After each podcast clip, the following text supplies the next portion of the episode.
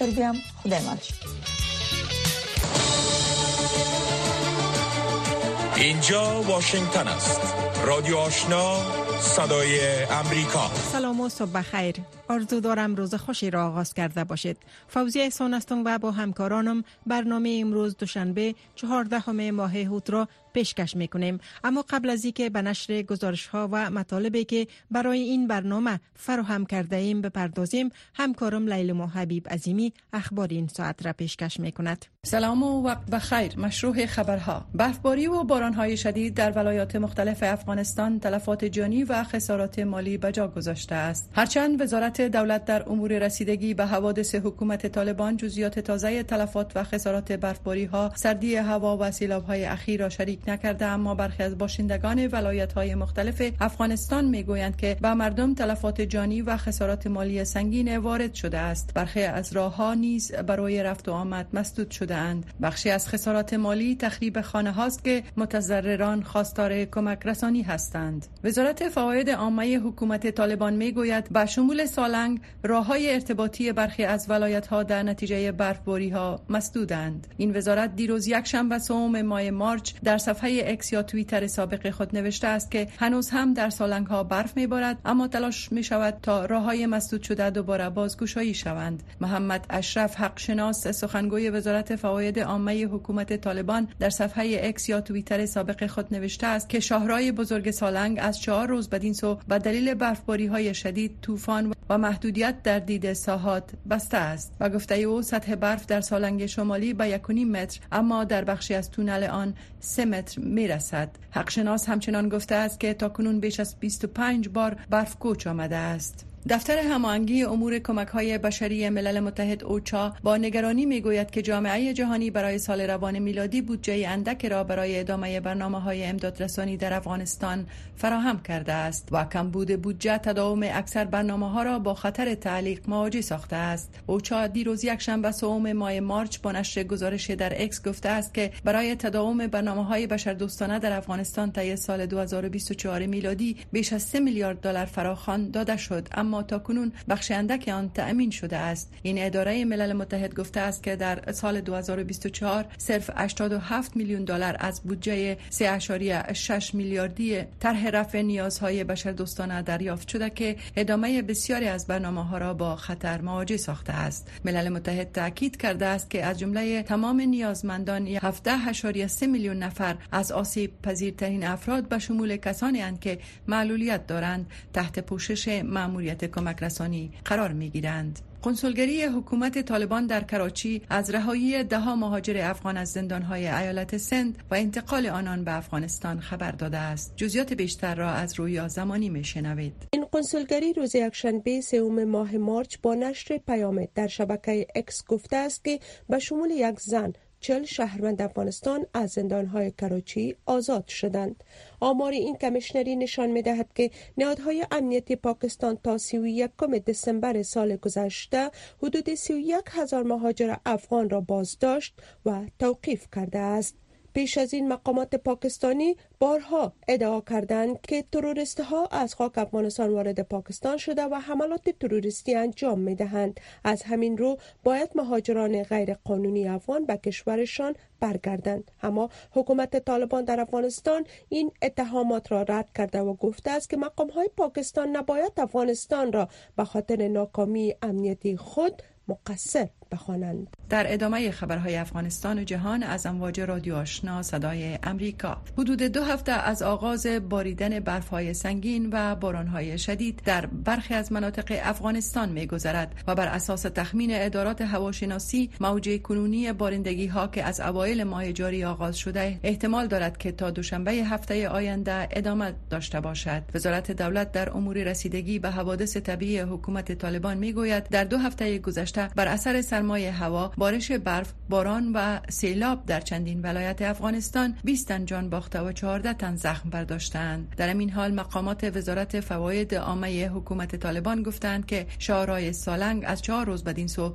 به دلیل برفباری سنگین طوفان‌های شدید و محدودیت ساحه دید برای ترافیک بسته است. شما به اخبار منطقه و جهان از رادیو آشنا صدای امریکا گوش می دهید بارانهای شدید در پاکستان جان بیش از سی نفر را گرفت. مقامات پاکستانی دیروز سوم ماه مارچ گفتند در رویدادهای مرتبط با بارانهای شدید بیش از سی تن در این کشور جان باختند. در ایالت خیبر پختونخوا به شمول 18 کودک 26 تن زمان جان باختند که در پی بارانهای دوامدار سقف یک ساختمان فرو ریخت. تیمور علی خان سخنگوی اداره پاسخگویی به حالات استرار خیبر پختونخوا گفته است که در نتیجه بارانهای دوامدار در چهار روز گذشته در مجموع 27 تن جان باختند. لغزش زمین در این ایالت جان یک تن را گرفته و 150 خانه را تخریب کرد. جهان زیب خان رئیس اداره پاسخگویی به حالت استرار ایالت بلوچستان گفته است که 5 تن در اثر فرو ریختن خانه ها به روزهای جمعه و شنبه جان باختند. مقامات همچنان گفتند که بارانهای شدید که از روز پنجشنبه گذشته بدین سو ادامه دارد سبب مسدود شدن هزارها مکاتب در سرتاسر این کشور شده است. به اساس گزارش ها گفته می شود که مشارکت مردم در انتخابات پارلمانی روز جمعه گذشته در ایران که به حیث آزمون در برابر مشروعیت نظام روحانیت در آن کشور تلقی می شود در پایین ترین حد تاریخی آن و بر اساس گزارش های غیر رسمی و به نقل از رسانه های دولتی حدود 41 درصد بوده است. خبرگزاری رویترز گزارش داده است که این انتخابات پس از اعتراضات سالهای 2022 و 2023 ضد رژیم ایران دایر شد که بدترین ناآرامی های سیاسی این کشور از انقلاب اسلامی 1979 میلادی تا کنون تبدیل شده و با ناامیدی های فزاینده در مورد مشکلات اقتصادی در این کشور تحریم شده همراه بود. وزارت داخله ایران شنبه دوم ماه مارچ اعلام کرد که ابراهیم رئیسی رئیس جمهور این کشور با کسب 82.5 درصد آرا مجددا به مجلس خبرگان ایران راه یافت. اما حسن روحانی که در سالهای 2013 و 2017 رئیس جمهور ایران بود و وعده کاهش انزوای دیپلماتیک این کشور را داده بود از نامزدی منع شد که انتقاد میان روها را برانگیخت. ادامه تفصیل خبرهای جهان از رادیو آشنا صدای امریکا. دو مقام ایالات متحده گفتند که اردوی امریکا برای نخستین بار کمک بشری را از هوا به غزه پرتاب کرده است. خبرگزاری رویترز دیروز یک شنبه سوم ماه مارچ گزارش داد که این دو مقام به شرط فاش نشدن نامهایشان گفتند که این کمک با استفاده از سه تیاره نظامی این کشور انجام شده است. یک تن از مقامات گفتند که بیش از 35 هزار وعده غذایی از هوا پرتاب شده است. قصر سفید گفته است که این اقدام یک تلاش پایدار خواهد بود و اسرائیل از آن حمایت می کند شماری از کشورهای دیگر از جمله فرانسه مصر و اردن قبلا کمک های بشری را از هوا به غزه پرتاب کردند دفتر هماهنگی امور بشری ملل متحد می گوید که یک بر چهارم جمعیت غزه یعنی 576 هزار تن یک گام از قحطی فاصله دارند. هزاران دکتر روز یکشنبه در سیول به جاده ها برآمدند تا حمایت خود را از دکتران جوان اعلام کنند که نزدیک به دو هفته است به دلیل برنامه حکومت برای افزایش شدید تعداد پذیرش در دانشگاه های طبی اعتصاب کردند تا کنون هیچ گزارشی از خشونت در این تجمعات گزارش نشده است. گروه متشکل از 31 عضو کانگرس امریکا با ارسال نامه از جو بایدن رئیس جمهور و انتونی بلینکن وزیر امور خارجه ایالات متحده خواستند که تا زمان حکومت جدید پاکستان را به رسمیت نشناسند که تحقیقات مستقل در مورد ادعای مداخله و تقلب در انتخابات 8 فوریه راه اندازی و نهایی شود. مقامات پاکستان در روز انتخابات خدمات تلفن موبایل را قطع کردند و انتخابات 8 فوریه شاهد برخی از خشونت ها نیز بود. بسیاری از فعالان سیاسی و مدنی هفته ها قبل از برگزاری انتخابات در آن کشور دستگیر شدند. علاوه بر آن نتایج انتخابات به گونه غیر معمول به تأخیر افتاد که همه این رویدادها موجب اتهام دخالت و تقلب در انتخابات این کشور شد. گریگ کاسر عضو مجلس نمایندگان از حزب دموکرات که این نامه را عنوانی رئیس جمهور و وزیر خارجه ایالات متحده نوشته است در مصاحبه اختصاصی به صدای آمریکا گفت که بیش از سی عضو کانگرس کشورش از قصر سفید خواستند تا اینکه تحقیقات مستقل در مورد مداخله و تقلب در انتخابات را اندازی نهایی نشود حکومت جدید پاکستان را به رسمیت نشناسد. این قانونگذار ایالات متحده همچنان گفته است که از حکومت امریکا خواسته شده تا همه افرادی که به دلیل آزادی بیان و فعالیت های سیاسیشان به صورت غیر قانونی توسط حکومت پاکستان بازداشت شدهاند از بند رها شوند زیرا به گفته او مردم حق دارند که روزنامه‌نگار باشند نامزد انتخابات باشند قادر باشند تا بدون حراس از بازداشت در فعالیت های سیاسی دخیل شوند. و همچنین در مصاحبه با صدای امریکا گفته است که کمک های نظامی ایالات متحده برای پاکستان و یا هر کشور دیگر وابسته به رعایت حقوق بشر باشد. پایان مشروع خبرهای افغانستان جهان تا این ساعت از رادیو آشنا صدای امریکا. هایل کاوشگری و جرفنگری رویدادهای داغ روز در افغانستان زیر سلطه طالبان. بارانات موجود در افغانستان چگونگی رویدادها تقابل دیدگاه ها بحث و مناظره در مورد راه حل مشکلات و بنبست های موجود در آن کشور از زبان کارشناسان تحلیلگران و مسئولان. هایل هر جمعه شب ساعت افت و سی دقیقه به وقت افغانستان از شبکه ماهواره‌ای و نشرات دیجیتالی صدای امریکا. شنونده های گرامی خبرهای افغانستان منطقه و جهان را از رادیو آشنا صدای امریکا شنیدید اکنون شما را به شنیدن گزارش ها و دیگر مطالبی که برای این برنامه تهیه کرده ایم دعوت می کنیم. سندروم مرگ ناگهانی در میان کودکان یک اتفاق نادر و ویرانگر است که سالانه نزدیک به 400 خانواده را در ایالات متحده متاثر می سازد. یک مطالعه موفقیت آمیز توسط پوهنتون نیویورک نشان می دهد که امید تازه برای پیدا کردن علت برخی از این مرگ های ناگهانی و غمانگیز وجود دارد. آرون رانین خبرنگار صدای امریکا از شهر نیویورک گزارش تهیه کرده است که همکارمان را به توجه می رساند. خانواده بیگان یکی از خانواده هایی است که کودکشان را به طور ناگهانی از دست دادند و حالا با از دست دادن غیر قابل توضیح طفلشان در سوگ آن به سر می‌برند. دخترشان روزی در سن دو سالگی به یک بارگی به طور ناگهان درگذشت. لورا بیگان مادر کودکی است که بر اثر سندروم مرگ ناگهانی از بین رفت. روزی بسیار یک دختر پر از انرژی بود. او یک طفل کوچک ولی بسیار خوشحال بود. او همیشه دوست داشت در کنار و چهار اطراف خانوادهش باشد. منظورم این است که او همه دنیای ما بود مثل اینکه تمام زندگی ما در چهار اطراف او میچرخید. در یکی از شامهای معمولی خانوادگی والدین روزی با جسد بیجان طفلشان در اوایل صبح مواجه شدند و همه چیز برایشان برای همیش تغییر کرد. زمانی که به اتاق او رفتم تا از او خبر بگیرم متوجه شدم که او واقعا ساکن است و هیچ تکانی نمی‌خورد و متوجه شدم که او واکنشی از خود نشان نمی‌دهد. بعدا او را به شفاخانه انتقال دادیم. با وجود این که او را سریعا به شفاخانه انتقال دادن دکتران نتوانستند علت مرگ ناگهانی روزی را مشخص بسازند. می‌دانید که در ابتدا دکتر متخصص در ظرف یکی دو روز با ما تماس گرفت و گفت که یافته های اولیه تنها هیچ نتیجه نداشته است. در میان بدترین کابوس این پدر و مادر خانواده بیگان به دنبال یک پاسخ مشخص و علت مرگ کودکشان بودند. یک سرنخ از مطالعه اخیر در پوهنتون نیویورک به دست آمده که در آن بیگان ها موافقت کردند تا در آن اشتراک کنند. محققان فیلم های کمره های اتاق خواب روزی و چند طفل دیگر را به دقت بررسی کردند و علت احتمالی مرگ زود هنگام و ناگهانی این اطفال را کشف کردند که عبارت از موجودیت مجموعه از تشنج ها و انحرافات عصبی بوده است. در هر پنج فیلم ضبط شده یک رویداد تشنجی یا حمله عصبی را قبل از اینکه طفل از بین برود نشان می‌داد. دیدم که حمله بسیار کوتاه بود و در کمتر از یک دقیقه برای افراد دخیل شوکه کننده بود. لورا گولد این تحقیقات را رهبری می کند. او خودش نیز به طرز غمانگیز دختر خردسالش را به دلیل همین وضعیت صحی در پانزده ماهگی از دست داده است.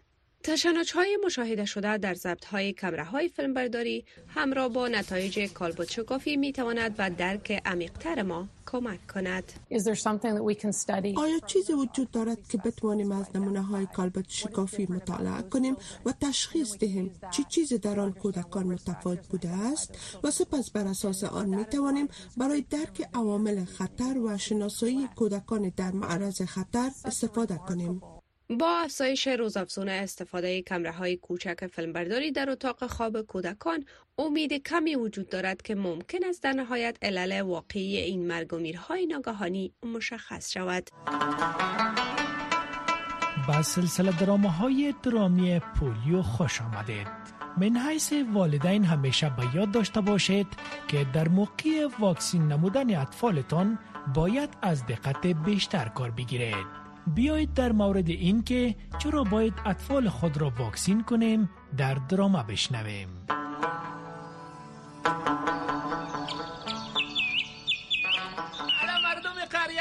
واکسین بگیرین واکسین. ارزان از بیتاوان است. الا واکسین بگیرین واکسین. الا بیاین که خلاص میشه. او ناظر تو میگم او آدم چی سر صدا انداختی؟ با خیالم که ناظر باز دیوانه شده. تو صبر که دم رایش بگیرم و محکم بگیرمش. تو خو فکر نکنم که یه گیرم بیایه. استاد باش ناظر چی گپ چرا چیغ می‌زنی او ظالم؟ بریاله نازانه از پیش روی پشت و گلاب بروی امروز با مردم قریه یک گفی مهم می‌زنم. آخر ناظر هستم ناظر. ما میگیم که ناظر هستی. مگه میره بگو که چی کار داری همراه مردم قریه اون اگه پیش پیشوی در وضای خود استاد هستن تو تماشا دارن. گلاب بروی کو که مردم قریه من خود نمی‌بینم. پیش رویم تو ایستاد شده ای. و هم کوی قافاره یارا ناظر از خنده گرده کفک شدم. تو که یک دفعه این طرف طرف تسایی کو تو فقط دو چشم تو سر ما دوختی. اوه گلاب خود کلکی جمع شدن نام خدا. اول خوب یادی رو بگم که گلاب برویتان من حاضر هستم دومی که ملک صاحب بریم گفت که کلگی را بگو در پالوی مسجد دم و چمن جمع شوین که بسیار گپای ضروری را بریتان میگه. چند نفر امرای بکسایشان آمده. اوی چی میگم؟ واکسین والا هستن. اونا هم بریتان چیزی میگه ما میگم براستی که گلاب برایت ناظر هستی. خیلی بیان بیا دارا که طرف چمن بریم کل گپ هم اونجا معلوم خواهد شد. بیان که بریم.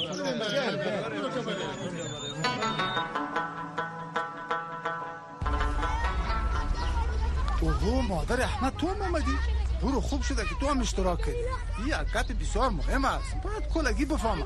پدر احمد تنها من آمدیم زنای قریه هم امرای خدا آوردیم او مردم کمی آرام شوین که ملک صاحب چی میگه؟ ببینیم خواهرها و برادرها شما خو خبر هستین که به قریه ما در هر کمپاین کارکنان واکسین می آمده تا اشتکای ما شما را واکسین پولیو بتن. اما بدبختانه بگویم که در گذشته به اندازه کم اشتکای ما شما واکسین شدن. یکی واکسین پولیو چی است و چی فایده را داره؟ یکی از کارکنان واکسین برای ما شما در این مورد معلومات میده. بفرمایید بیاده تشکر ملک صاحب. ما بسیار خوش هستم که به قریه شما آمدیم و درباره ارزشای واکسین به شما معلومات میتم مگم ما باید از شما یک سوال کنم. کی می‌خواهه که اولادش خدای نخواسته فلج شوه چی میگی؟ ما میگم اشتکار خود چی می‌کنی؟ گلاب برویتان خدا گاوی مالک سبان فلج نکنه گپ خوب زدی نازر خب حالا کی گفتم میتانه که بگویه که تداوی پولیو چی است؟ بچیم ما او روز نواسی خود کلینیک برده بودم اونجا یک دکتر برم گفت که این مرض سبیل مانده ای تداوی نداره. خیر ببینی خاله جان. دقیق می رقم است.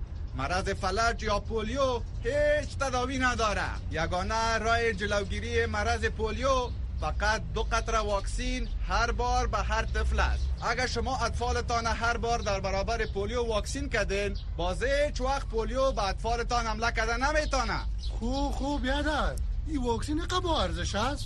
بله بیادر. تمام اطفال زیر سن پنج سال باید در برابر پولیو هر بار واکسین شود. واکسین پولیو سیستم ایمنی بدن طفل قوی می سازه و با ویروس پولیو اجازه نمیده که به وجود یک طفل داخل شود.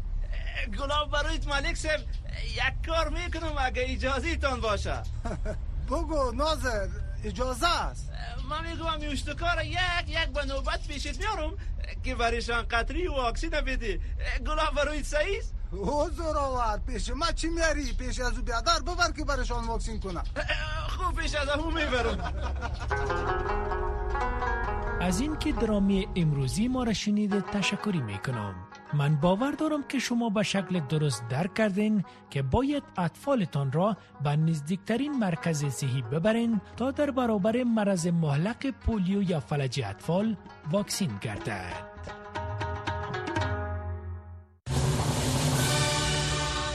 رادیو آشنا صدای امریکا. پنج تا هفت صبح و هفت شام تا ده شب. تازه ترین خبرها و گزارش ها منطقه خشکک ولایت بامیان شاهد برگزاری های حرفوی و آموتور اسکی بود. شرکت کنندگان داخلی و خارجی که شمارشان به 180 نفر می رسید در کنار اینکه طبیعت و کوههای پربرف بامیان را برای اسکی مساعد عنوان کردند، همچنان بر شرکت زنان در این مسابقات تاکید ورزیدند. توجه کنید به گزارش در این مورد. بامیان در سالهای پسین شاهد برگزاری رقابت‌های اماتور و حرفه‌ای سیکی در دامنه تپه ها و کوههای پربرف خود بوده است که در آن زنان و مردان از داخل و خارج افغانستان شرکت می‌ورزیدند. امسال نیز پس از برفباری های کافی دامنه های سپید کوههای بامیان پای علاقمندان داخلی و خارجی اسکی را به آنجا کشانید. ورزشکاران ضمن استقبال از راه اندازی چنین برنامه ها از کمبود امکانات و عدم وجود یک میدان میاری در این ولایت شکایت دارند.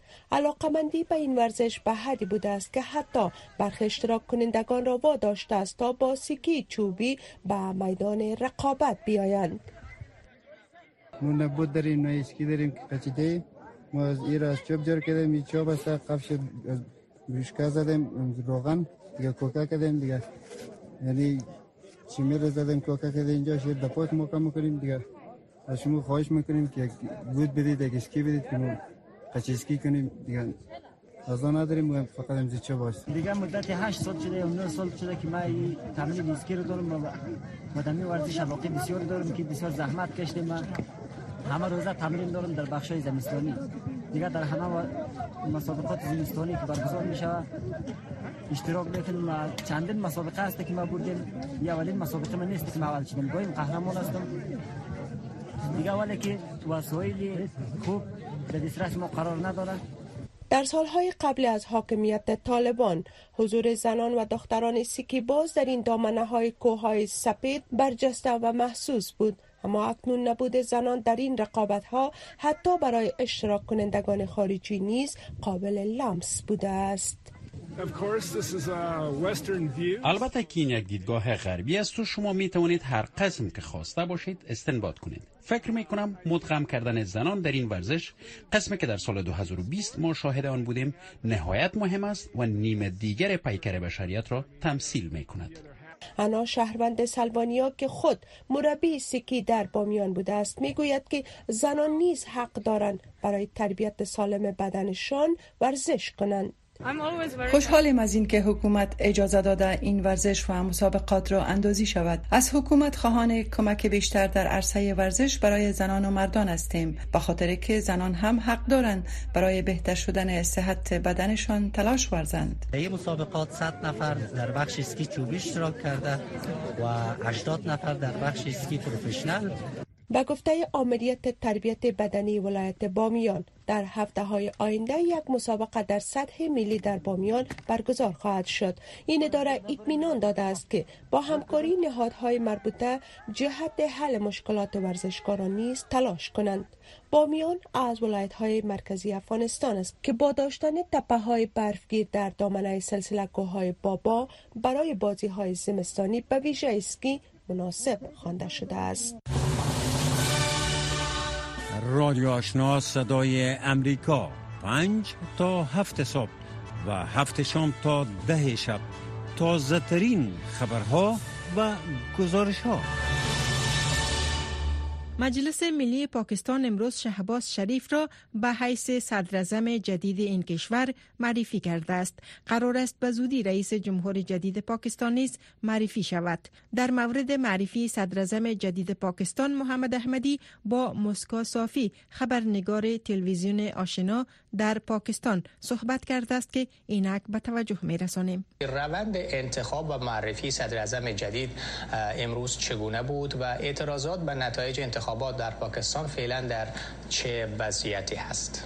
سپاس از شما انتخابات پاکستان که خیلی هم جنجالی بود. بالاخره پس از گذشته 25 روز صدر پاکستان گزین گردید و طبق قانون پاکستان قبل از اینکه نمایندگان مجلس صدر پاکستان را انتخاب کنند اول رئیس مجلس ملی انتخاب میگردد و در تاریخ اول مارچ هم ایاز صادق و حیث رئیس مجلس ملی انتخاب گردیده بود که امروز شعب شریف پس از آن که با 201 رای از همه پیشتاز باقی ماند ایاز صادق وی را به حیث صدر اعظم پاکستان اعلام کرد و رقیب وی که عمر ایوب بود نتوانست که با کسب 92 آرا از برنده این رایزنی شود. از سوی دیگر حکومت ائتلافی که مشتمل بر دو حزب بزرگ حزب مسلم و حزب مردم می باشه و چندین احزاب کوچک دیگر کرسی رئیس جمهوری آصف علی زرداری را معرفی کرده است و دیگر تحریک انصاف پاکستان محمود خان اچنزه که رهبر حزب عوامی ملی پشتونخوا می باشد را به حیث رئیس جمهور معرفی کرده و قرار است به تاریخ 9 مارچ یک رایزنی مخفی میان اعضای مجلس ملی مجلس چهار ایالت و مجلس سنا برگزار گردد که در آن معلوم شود چه کسی رئیس جمهور پاکستان خواهد بود. در انکشاف دیگر کنسولگری حکومت طالبان در شهر کراچی پاکستان از های ده ها مهاجر افغان از های ایالت سند و انتقالشان به افغانستان خبر داده. جزئیات بیشتر در این باره چی است؟ کنسولگری افغانستان که در کراچی است و تحت کنترل طالبان می باشد در شبکه با نشر یک پیام از آزاد ساختن چل تن یا چل شهروند افغان و شمول یک زن اعلام کردند که آنها را آزاد کرده و به افغانستان منتقل کرده و این جمله زندانیانی بودند که بنابر نداشتن مدارک اقامت و همچنان ادعایشان هم مهارت کارتاشان از بین رفته بود زندانی گردیده بود و پیش از این کنسولگری گفته بود که در زندان های سند تا حدود 300 زندانی افغان دیگه هنوز هم هست که به خاطر آزاد کردنشان تلاش های هم تجدید است. بله. سپاس از شما. مسکا صافی خبرنگار تلویزیون آشنا صدای آمریکا که شرح بیشتر داره در مورد انتخابات و وضعیت مهاجرین افغان در پاکستان بندشین خسته نباشید. رادیو آشنا صدای امریکا منبع موثق خبرها و گزارش های جهان و افغانستان. روز یکشنبه پس از حملات اسرائیل بر یک منزل مسکونی در حال فلسطینی ها در رفع برای جستجوی افراد از زیر آوار ادامه دادند که اردوی اسرائیل ویدیوهای حملات هوایی نظامی بر شهر غربی خانیونس را منتشر کرده است. در این حال سازمان جهانی صحت می گوید که کمک های تیبی و نفت را به شفاخانه الشفا در غزه رساندند و از وضعیت مریضان و کارمندان صحی این شفاخانه بازدید کردند. گزارش اسوشیتد پرس و رویترز را از همکارم ژیلا نوری مشنوید. اردو اسرائیل ویدیوهای حملات هوایی بر منطقه خانیونس در غرب غزه را منتشر کرده است. این حملات هوایی جزء عملیات نظامی اردوی اسرائیل جهت تجدید حملات این کشور و این منطقه در باریکه غزه می باشد. اردو اسرائیل ادعا می کند که آنها زیربناهای تروریستی و دشت افغانان حماس را از بین بردند. این اقدام در زمان اتخاذ می گردد که یک مقام ارشد امریکایی چهار چوکات آتش بس پیشنهادی برای غزه را به خاطر آزادی های اسرائیلی به امضا رسانیده است. و اکنون حماس با آن باید توافق نماید. این در حال است که سازمان جهانی صحت کمک های طبی و تیل را به شفاخانه الشفا در شمال غزه رسانیده است. و وضعیت مریضان و کارمندان را از نزدیک بررسی نمودند عبدالنصیر سبها می‌گوید که در شفاخانه امکانات طبی کم است. شفاخانه الشفا بیشتر از 600 مریض را پذیرفته است. کمبود ادویه دارند. سازمان جهانی صحت با رساندن کمک ها برای ادامه خدمات شفاخانه کمک زیاد کرده تا ما بتوانیم این خدمات را بیشتر بسازیم. کارگران تیبی کمک های زیادی برای ادامه فعالیت شفاخانه الشفا نیاز دارند. این شفاخانه با کمبودات زیادی به دلیل جنگ حماس و اسرائیل روبروست ما به زودی به بسیار چیزها در اینجا نیاز داریم. ما می خواهیم حیات از اینجا دیدن کند و شاهد زجر و عذاب مردم در شفاخانه شفا باشند. به خاطر که رقم زیاد افراد زخمی هر روز اینجا می رسد و ما منابع طبی و کارمندان صحی و توانایی تداوی آنان را نداریم. به طور مثال شعبه رادیولوژی هفته دو روز فعال است در حالی که هر روز با نیاز است. یکی از مقامات گفتند که اسرائیل کم و بیش پیشنهاد آتش بس را پذیرفته است که به اساسان شش هفته آتش بس به خاطر تبادله زندانیان فلسطینی و های اسرائیلی برقرار خواهد شد. از سوی دیگر پس حملات هوایی اسرائیل به شهر رفح مردم برای پیدا کردن اعضای خانواده از زیر آوار تلاش دارند. وزارت دفاع فلسطین با نشر ویدیویی در رسانه اجتماعی کارمندان خود را نشان می‌دهد که مشغول عملیات نجات هستند. خبرگزاری رویترز به طور مستقل صحت این ویدیوها را تایید نکرده است. شنوندگان عزیز این بود داشته های این برنامه. تا چند لحظه دیگر همکارانم بر